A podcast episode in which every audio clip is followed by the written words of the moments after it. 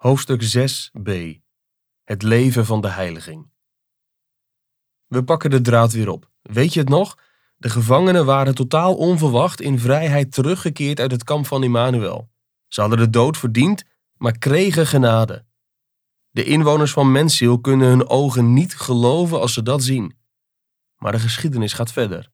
Als ook Immanuel eraan komt, weten de inwoners niet hoe snel ze de poort voor hem moeten openen. Ze gaan hem snel tegemoet. Ze kussen zijn voeten en ze vragen hem om in de stad te komen wonen. Het wonder van de rechtvaardiging, hoofdstuk 5, vraagt om een vervolg. En dat vervolg is de heiliging. Dat betekent dat we leven met Christus en uit Christus. We bidden Immanuel met heel ons bestaan om zijn intrek te nemen in ons hart en in ons leven. Het leven van de heiliging gaat om de vraag: hoe ben ik voor mijn genadige verlossing dankbaar? Bunyan verbindt de rechtvaardiging en de heiliging, en dat is heel bijbels. Die twee horen bij elkaar. Ze mogen niet gescheiden worden. Het kan niet zo zijn dat je gelooft in je rechtvaardiging, maar niet in verbondenheid met Christus. Ze hangen op dezelfde manier samen als je trouwdag en je huwelijksleven.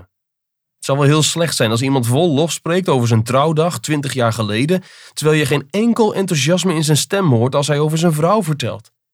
Het is veel mooier om te horen hoe gelukkig een stel nu is in al hun zorgen, dan te vernemen dat er op een trouwdag wel 400 mensen op de receptie zijn geweest. Natuurlijk is het fijn als je een stralende, onvergetelijke trouwdag hebt gehad, maar het is nog veel fijner om dagelijks met elkaar te mogen leven in oprechte liefde en trouw. Het is veel rijker om te weten dat jullie in al die jaren, in voor- en tegenspoed, dichter naar elkaar zijn toegegroeid. Om de vergelijking dan maar af te maken, zo zouden we de heiliging dus het geestelijk huwelijksleven met Christus kunnen noemen. Daarin wordt niet alleen gevraagd naar het verleden, maar ook naar vandaag. Hoe is ons huwelijk met Christus nu? Is het nog feest in de stad? Leven we vandaag in gemeenschap met Immanuel? Of houden we ons op de been met wat we jaren geleden hebben ervaren? De Vader heeft de Zoon allerlei schatten en gaven gegeven om ze uit te delen aan arme en ellendige mensen. Eigenlijk vallen die in twee categorieën uiteen: rechtvaardiging en heiliging. De Bijbel vat het genadewerk ook steeds samen in die twee categorieën: bekering en vergeving van de zonde. Bunyan tekent deze tweedeling ook in de Heilige Oorlog. Niet alleen de rechtvaardiging, ook de heiliging. Niet alleen de vergeving van de zonde, maar ook het inwonen van Immanuel in onze ziel. Hiermee kun je trouwens wel heel snel een denkfout maken. Alsof de heiliging een volgende fase zou zijn. Maar de heiliging is niet iets nieuws. De twee genadegaven horen bij elkaar. We moeten ze niet scheiden, maar wel onderscheiden. In de rechtvaardiging rekent de Vader ons de genade toe. Het is namelijk niet zo dat we rechtvaardig verklaard worden omdat we rechtvaardig zijn. Nee, de Heere ziet ons in Christus aan alsof we rechtvaardig zijn. En bij de heiliging gaat het juist om iets anders. Daar gaat het niet om een alsof. Deze tweede schat van Christus betekent een echte vernieuwing. Het is dus terecht en goed dat Bunyan dat onderscheid duidelijk maakt. Maar nogmaals, je mag deze twee schatten dus niet scheiden. De ene kan er niet zijn zonder de andere. Als je ze toch van elkaar losmaakt, scheur je als het ware Christus zelf uiteen. Het zijn geen twee aparte brokstukken. De heiliging is er vanaf het allereerste begin bij. Denk maar eens terug aan meneer ontwaakte verlangens. Dan kun je zien dat het geloof de zondaar van meet af aan tot een nieuw mens maakt. Dat betekent dus dat het geloof niet alleen de handen uitstrekt naar de gerechtigheid van Christus, maar ook werkelijk verlangt om heilig te zijn en te leven. De Nederlandse geloofsbeleidenis gebruikt hele grote woorden voor die werking in ons leven. Die spreekt over het maken tot een nieuw mens, over doen leven in een nieuw leven en over vrijmaken van de slavernij van de zonde. Dat zijn nog eens consequenties. Het geloof creëert dus iets in ons wat groter is dan de schepping. Er komt namelijk een nieuw mens. Kijk maar, een mens krijgt droefheid over de zonde. Hij gaat God gelijk geven in zijn gerechtigheid. Hij zweert de zonde af en zweert de Heere trouw. De mens begint werkelijk anders te leven. Een geloof waardoor we niet opnieuw geboren worden, is dus geen geloof. Herken je de stem van Jacobus? Calvijn voegt daar nog aan toe: het geloof ligt in de kennis van Christus, maar je kunt Christus niet kennen zonder de heiligmaking door zijn geest. Dat betekent dat je het geloof niet kunt losmaken van de vrome gezindheid. Hoe zit dat dan? Moet God geloof schenken en doen wij dan zelf de rest? Nee, juist niet. Het geloof doet dat. En ook dat geloof is een gift van God. Het gaat dus om Gods werk, om Christus werk. Hij heiligt zijn bruid. Alleen in combinatie met de rechtvaardiging kunnen we de heiliging dus begrijpen. Luister bijvoorbeeld ook eens naar het hoge priesterlijk gebed van Christus. Ik heilig mijzelf voor hen, opdat ook zij geheiligd zijn in de waarheid. Het geheim van de heiliging is het geheim van de gemeenschap met Christus. Calvijn noemde het geloof daarom ook de vereniging met Christus. Vanuit de boom van Adam endt God ons in de boom van Christus. Hij laat als ware wijnstok zijn sappen in onze ranken stromen. Dit doet hij via de Heilige Geest. En zo brengt hij ons tot een nieuw leven. Dat is geen droge theorie. Je gaat het ook echt ervaren. Alles wordt nieuw. Ons denken, ons bidden, ons verlangen, onze levenswandel, alles. Christus is het geheim van de heiliging. Als we dat loslaten, verandert heiligheid in schijnheiligheid, zegt de Bijbel. Paulus schrijft daar bijvoorbeeld over: Christus is ons van God geworden tot wijsheid, gerechtigheid en een volkomen verlossing. Zijn bloed schenkt ons niet alleen kracht in de rechtvaardiging, maar ook in de levendmaking en in de heiliging. Trek de rechtvaardiging en de heiliging dus niet uit elkaar. Ook de heiliging is er vanaf het begin. Maar de mate waarin die werkt en zich laat zien, die is toch wel verschillend. Als mensziel de vergevende liefde van Immanuel proeft en ervaart, zie je de wederliefde van mensziel veel zuiverder worden. En zo is het ook met ons. Hoe meer wij dat grote geschenk van vergeving van onze zonden met een gelovig hart aannemen, hoe meer ook onze liefde tot Christus groeit en hoe meer we ook mogen gaan staan in de vrijheid waarmee Christus ons heeft vrijgemaakt. We leren op die manier meer en meer dat de bruid leeft van alles wat de bruidegom heeft gedaan. Anders gezegd, groeien in genade betekent niet dat wij meer kunnen, maar dat we meer en meer in kinderlijke afhankelijkheid bij Christus leven en zoeken wat de Heere van ons vraagt. Bunyan wil het accent leggen op het leven uit liefde en de dankbaarheid tot Christus. Daarom heeft hij de heiliging beschreven alsof het om iets nieuws zou gaan. Maar als je terugbladert kun je zien dat het schuldbesef en de bereidheid om boete te doen voor de zonde, boetvaardigheid, al vanaf het begin te vinden was in mensziel. Ga maar na, na levensverlangen werd ontwaakte verlangens de bode van de verzoekschriften.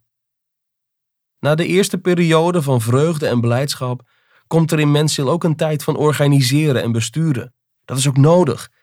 In de eerste vreugde over de vergeving van je zonde zweef je nog op de vleugels van de liefde. Wat een geweldige, rijke tijd. Wat een vreugde ervaar je dan. Het kan niet op. En je hebt geen last van verslapping. Je belooft dat je nooit meer zult zondigen. En je bent ervan overtuigd dat je dat nog waar kunt maken ook. Vanwege die gedachte is het maar goed dat Immanuel de leiding neemt in mensziel en kanonnen op de muur laat plaatsen. Zo versterkt hij de stad tegen Diabolos. Het is bovendien maar goed dat hij ze erop wijst dat er nog diabolisten in de stad zijn. Dat moeten ook wij niet vergeten. In de eerste tijd houden ze zich nog wel koest, weggekropen in de riolen. Het deksel zit er stevig op. Je merkt er niets van. Maar na verloop van tijd, dan zie je in de stad af en toe heel voorzichtig een riooldeksel omhoog gaan. En dan gluurt er een klein kopje onderuit, met gemene, venijnige oogjes. Dan komen de verkeerde verlangens van de oude mens weer boven. Dan merk je opeens dat die zondige begeerten naar die verkeerde dingen niet gestorven zijn. Zelfs als we leven van vrije genade, zijn de hoogmoedige verlangens van de oude mens niet weg. Het gemene is dat de diabolisten zichzelf ook nog eens anders noemen. Ellendige slimmerikken zijn het. Gelukkig geeft Immanuel opdracht om ze op te sporen en gevangen te zetten. Dit onderdeel van Bunyan's verhaal staat symbool voor de ware bekering, namelijk het afsterven van onze oude mens en het doden van het vlees, het haten en het laten van de zonde. Die kant van het leven van de heiliging is onmisbaar.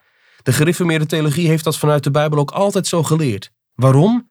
Omdat iemand die nog in zonde leeft, die nog met de diabolisten op straat speelt, niet zalig kan worden. En dat is heel logisch, want in de zonde is geen redding te vinden. Christus verlost ons wel van de zonde, maar niet met behoud van de zonde.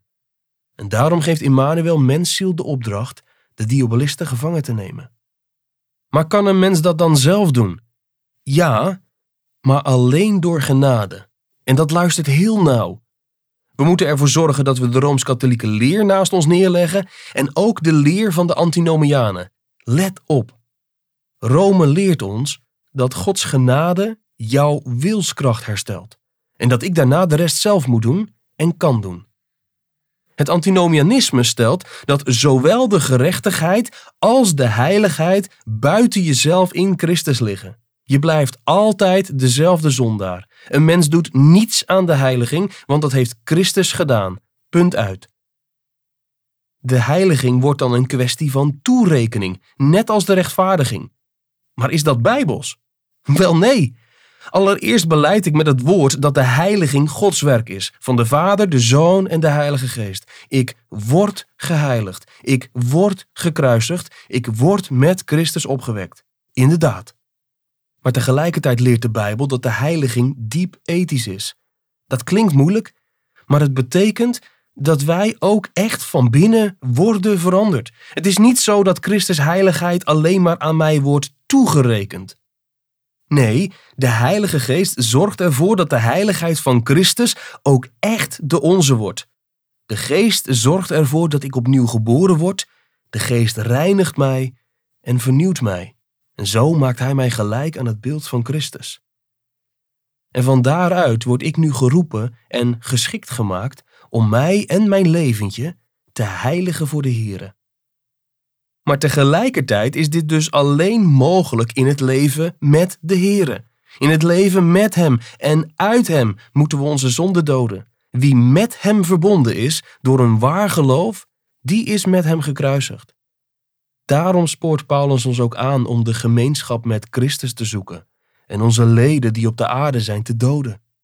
Vanuit de gave die God ons geeft, kan de apostel ons ook de opdracht geven om de oude mens af te leggen, die te gronde gaat door misleidende begeerten. We moeten de diabolisten bij de haren pakken, ze veroordelen en ze kruisigen. Maar moeten wij dat doen? Ja en nee. Inderdaad, het woord veroordeelt de diabolisten, maar tegelijkertijd zijn het de inwoners van Mensiel die een tribunaal vormen onder leiding van meneer geloof. Herken je dat in je eigen leven? Ons geloof, in ons eigen hart, veroordeelt de oude mens. We gaan onze oude natuur steeds meer haten en veroordelen. We sleuren die diabolisten naar het kruis van Christus, omdat we weten dat zijn bloed de kracht van de zonde doodt. Mijn ik-gerichtheid moet naar het kruis maar ook mijn verlangen om gezien te worden, om in de picture te staan.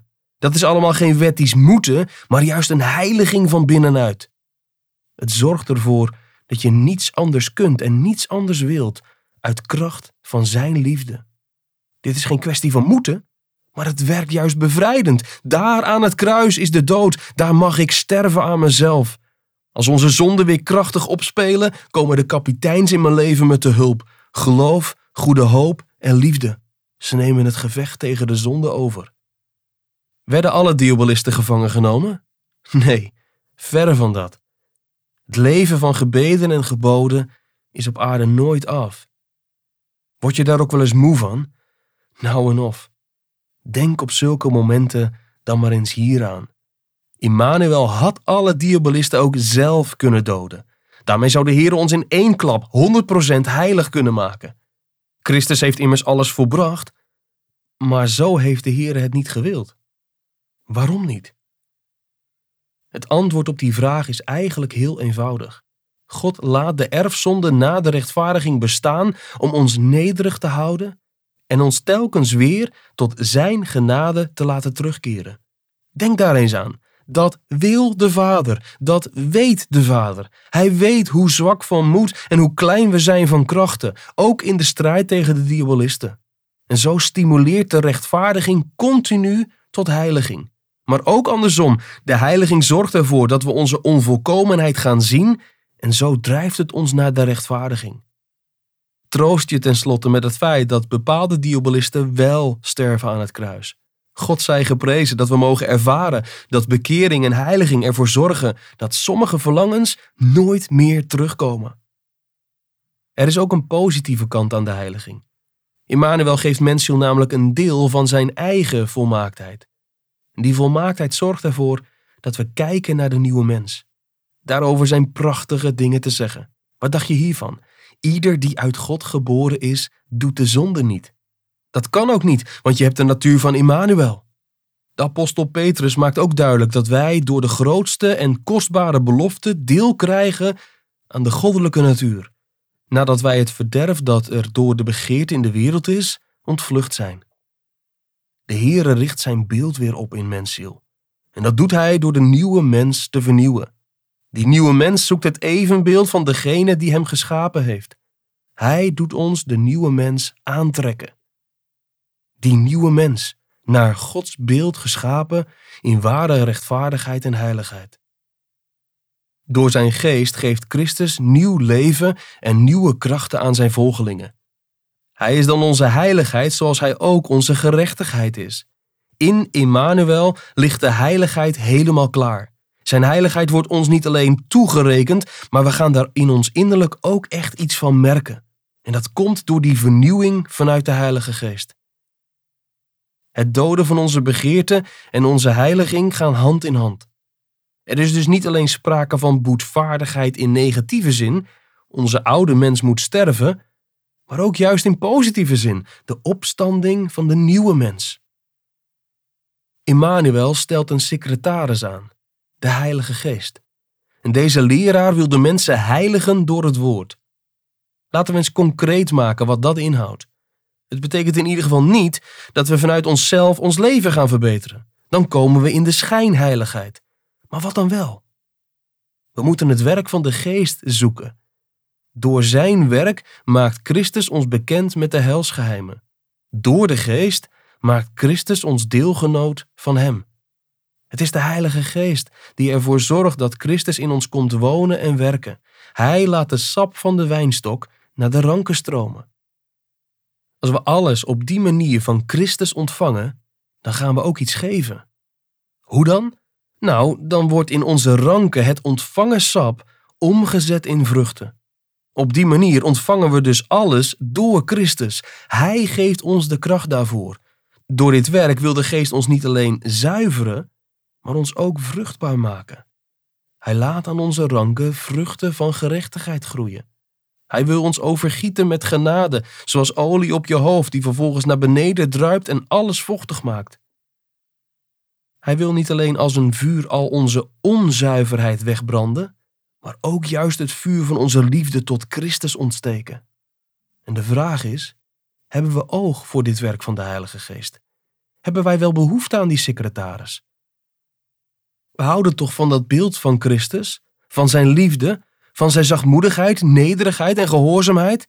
Het is door de Heilige Geest dat dit in ons gestalte krijgt. De Heilige Geest doet niets liever dan waaien, maar hij komt ons niet zomaar aanwaaien. We moeten niet leidzaam, passief wachten op de Geest, maar hem juist biddend verwachten. De Bijbel zegt namelijk: De Hemelse Vader zal de Heilige Geest geven aan hen die tot hem bidden. Dat is ons nieuwe stadsrecht en daar moeten we gebruik van maken. Zo kan de Geest ons inwijden in de geheimen van de Vader en van de Zoon. Hij kent alle geheimen van de Vader en de Zoon. Hij wil en hij zal de inwoners van Mensiel onderwijzen in al die geheimen. Ook zal hij namens Mensiel verzoekschriften aan koning Shaddai opstellen. Op deze manier verandert de Heilige Geest ons van heerlijkheid tot heerlijkheid. Hoe hij dat doet? Paulus schrijft: door ons met onbedekt gezicht in een spiegel de heerlijkheid van de Heere te laten zien. Wij mensen kunnen Gods aangezicht niet direct zien. Dat zou veel te veel voor ons zijn. Maar indirect kan het wel, via een spiegel. We mogen een afspiegeling zien van Gods heerlijkheid. Je vraagt je nu misschien af: wat is die spiegel dan? Dat is het woord van de geest. Daarin schittert Gods heerlijkheid.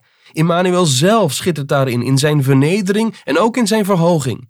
Als je naar hem kijkt, dan gebeurt er iets met ons. Wij veranderen naar datzelfde beeld, van heerlijkheid tot heerlijkheid, zoals de geest het in ons werkt. Het kijken in die spiegel zet dus iets in werking. Het is eigenlijk net zoals bij Mozes. Hij mocht op de berg Gods heerlijkheid zien. En hij kwam met een glanzend gezicht de berg weer af. Zo is het ook met ons. Als we door de geest Christus beeld zien, weerspiegelt dat beeld zich in onze ziel, in onze levens. Als we bijvoorbeeld door de geest iets mogen zien van Christus liefde of heiligheid, dan nemen wij iets van dat beeld mee in onze ziel. Dat beeld kan niet gecombineerd worden met zonde. Het haat de zonde en het vlucht ervoor weg. Christus praat de zonde niet goed, hij wil er niets mee te maken hebben. Wanneer wij dat beeld zien in het woord, dan laat dat dus iets na. Dan verkiest onze ziel om heilig voor de Heer te mogen leven. Dan sterven we liever met Jozef dan dat we zouden zondigen tegen de Heer. Wil je meer voorbeelden horen? Door het zien van Christus zelfverloochening ga je als vanzelf jezelf verloochenen. Door het zien van Christus gehoorzaamheid word je zelf ook gehoorzaam. Welke heerlijkheid we ook zien in Hem, het laat wat achter in ons. Zo is de bron van onze heiliging alleen in Christus te vinden, door de Heilige Geest. De volheid daarvan is in Immanuel. En weet je wat nou zo mooi is? Van het uitdelen van die gaven wordt hij niet armer. Wel nee, daar wordt hij alleen maar rijker van. Hij zorgt voor overvloed. En we mogen leven in Gods gunst en goedkeuring. Laten we het nog concreter maken. En daarvoor luisteren we naar Calvijn. Hij vat het eigenlijk samen op drie onderdelen in ons leven. Het is in de eerste plaats het verlaten van alle goddeloosheid en wereldse verlangens.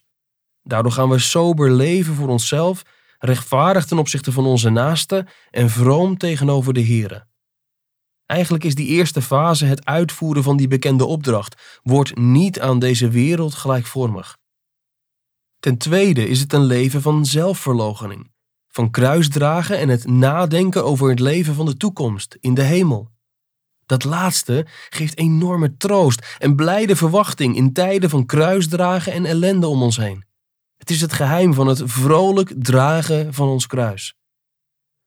In de derde plaats zien we in de heiliging terug hoe we omgaan met de Bijbel in de kerk, in ons gezin, in ons bedrijf, in onze studie. Leven we op alle terreinen van ons leven uit de vraag: Here, wat wilt u dat ik doen zal? Zo zijn er allerlei manieren waarop het woord ons aanspoort tot een heilig leven. We mogen gehoorzamen in liefde, omdat God ons eerst heeft liefgehad. We zijn kinderen van het licht en die horen ook te wandelen in het licht. Bunyan vertelt tenslotte dat de Heilige Geest ook onze verzoekschriften wil schrijven. Eerst heeft de Geest ons het geloof uitgelegd en geleerd, en op dezelfde manier wil Hij ons ook helpen om ons te richten op God. Hij leert ons dat we moeten bidden vanuit Zijn belofte. In die belofte zien we wat we missen en wat we nodig hebben. De beloften vertellen ons wat de Heere ons wil geven. Paulus beschrijft de rol van de geest in het gebed zo mooi. Wij weten niet wat we bidden zullen zoals het behoort. De geest zelf echter pleit voor ons met onuitsprekelijke verzuchtingen. Hij wil ons vertrouwen geven en ons motiveren om goed en heilig te leven. Wat een hulp is dat! Laten we hem niet bedroeven, maar die heerlijke hulp actief zoeken. Aan het einde van het hoofdstuk stelt Immanuel nog een ambtenaar aan: Gods vrede. Hopelijk ken je daar iets van in je leven. Dat betekent dat ons hart verlangt naar de hemel. We zweven als het ware op de vleugels van een arend in de lucht van Gods genade. We zwemmen in de vreugde van God, in het wonder van Zijn eeuwige liefde. Gods vrede betekent eigenlijk dat er geen tijd meer is in ons hart, omdat de eeuwigheid ons hart in bezit heeft genomen. We wandelen met God. We hebben vrede bij God door Jezus Christus. We zijn blij als een kind vanwege de omgang met God. En ons hart zingt, want deze God is onze God, door tijd nog eeuwigheid te scheiden. Of zoals Psalm 145 het zingt. Ze zullen uit de volheid van het gemoed, gedachtig aan de milde overvloed van uw gunst, die roemen bij elk een en juichen van al uw gerechtigheid. De Heer is goed en vriendelijk en weldadig, barmhartig, mild, langmoedig en genadig. Hij doet zijn gunst aan alle klaar bemerken en zijn goedheid is verspreid op al zijn werken. Wat een heerlijkheid, al hier in het leven op aarde. Zie jij het ook? Zoek het door de geest die ons heilig maakt in Immanuel. Hij is het die door Shaddai aan ons is gegeven tot volkomen rechtvaardiging, maar ook tot volkomen heiligheid.